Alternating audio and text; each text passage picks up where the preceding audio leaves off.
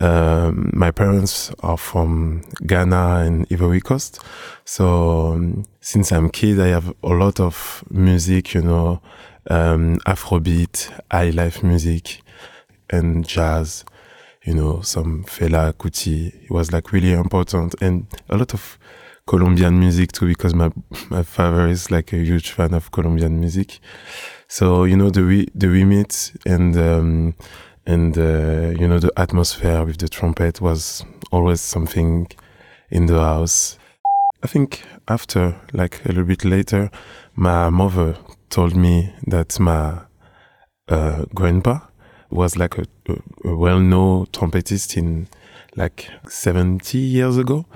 So um, I try to, you know, every time to have more information, but she she was like really, like uh, you know, she she trying she just answer, but not too much, you know. So I was digging, and uh, and it it was like really in the past, so I don't have a lot of information about my grandpa, my, because he's not the only one was making music in my family, but I know that like it was something part of my of my family and heritage. I listened Fennesz when uh, way before strange music, I think, because you know sometimes Fennesz can do really beautiful uh, ambient stuff. So I think at the same times I was discovering Tim Hecker, and uh, I think I, I listened for days Tim Hecker. I think more that Fennesz. I love Fennesz. When it's raining, is the perfect kind of music. Fennesz like Vin- Venice or you know uh, Black Sea. He, he, made he made really amazing records. But uh, I think uh, I I listen more Tim Hecker. Um, you know his album with the piano dropping uh, drop it piano or something like this called uh, I, I, don't remember the name of the of the album but I think it's one of our album I, I listen more like really. And um, it's, it's funny because in this kind of music you have except all the I think beauty in the music you have like this physical um, music. Is really physical like you know the intro of Tim Hecker or on Venice on Venice, you have like heavy bass under uh, with a lot of layer, and I think it's something who stuck me when um, at my first experience because I love physical music. I love, you know, in a way when you're putting a bass and you can just not put the bass just in front, but put it in, you know, in a world or in a fake room, you know. And I always uh, heard that when I'm listening, you know, Ben Frost and this kind of stuff because it's really subtle. You have rooms everywhere, and it's always really physical. Like you know, I was talking about James Empty Set. I think it's one of the groups who influence a lot of my way to make extreme music because it's really extreme. Like you're feeling in your body everything, and um, and Fennesz, Teamaker, Ben Frost they are all doing that, and it's really important to me to have this this these words with the sound. And um, you have you know other artists like um, from subtext this you know way to make emotional music. Like if you listen Roly Porter or Paul Jebanasam, it's grandiose. You know, you have this way to make like hard music in a way where you have to be in active listening, but at the end you have like so beautiful strings and it's almost like classical music poof in you know one minute and after you're going in the punk music. And in a way it's always be a big influence on me because I think uh, when you're doing like a you when you're loving a lot of music you have to put a word where it's not a mess, you know. And me, I love a lot of things, but I'm trying to make lisible and music too. You know, it's important because uh, emotion is the most important thing in the world. Uh, when you listen to music, when you watch movie, is even it's strange at the end you have to be touched by something so sometimes it's cool to to give something not easy but something to attach for the listener to have a door to go in your world in my way to do that is emotional and you know with strings and everything uh, i listen i think not all the release from Edition Mego, but so many.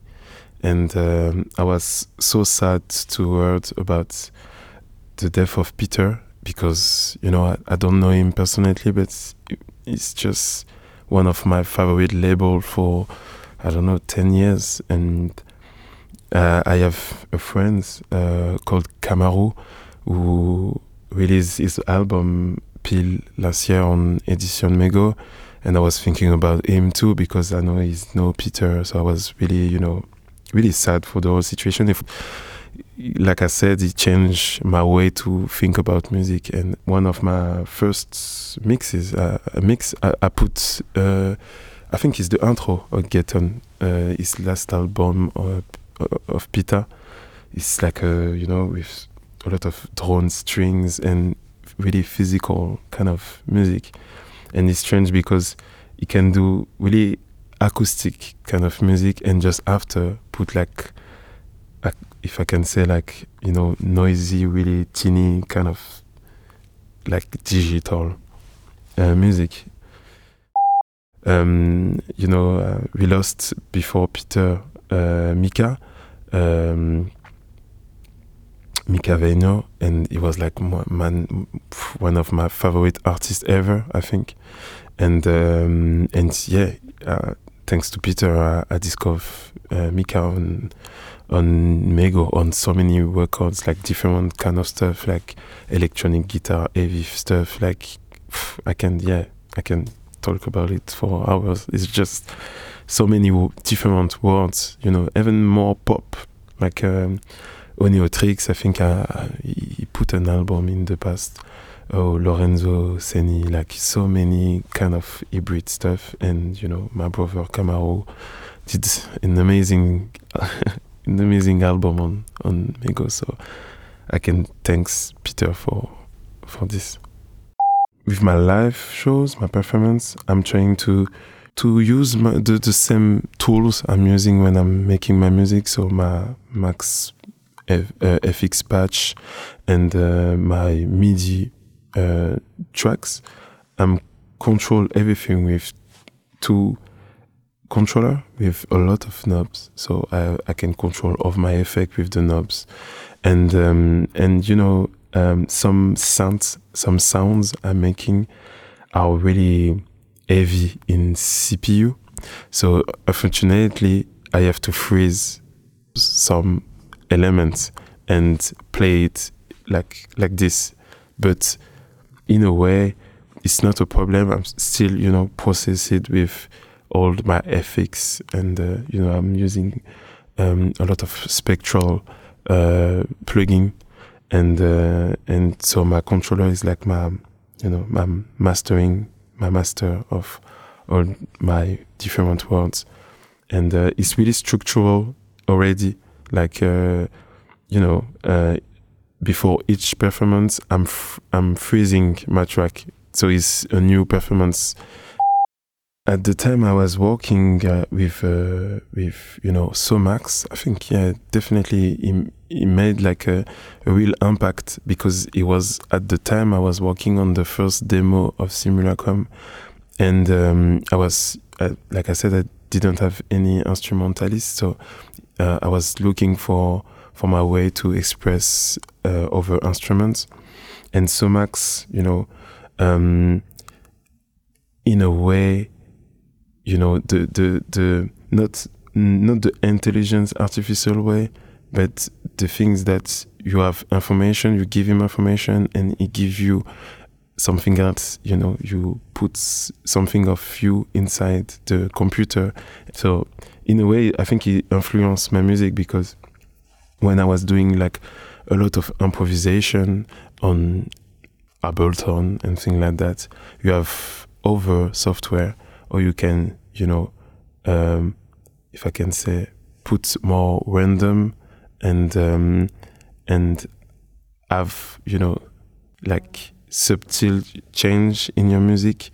And uh, I think it was my uh, opening of other kind of software than than you can heard on Simulacrum like even you know other software like basic software like uh, Melodyne is like a software normally where you can like tune your music uh, in a specific way. And uh, when you put your music you can have like a MIDI information of your music. And uh, in a way it was like something that influenced the album to put with rhythm like I love you know or you know um, trying to understand like jazz music and why I love Fela Kuti and I don't love that to put this information into the uh, into the computer and understand that oh you have this kind of you know um, semitone I love semitone like you can uh, semitone in all the album. And so it was like really a big influence for my understanding and for my my music composition.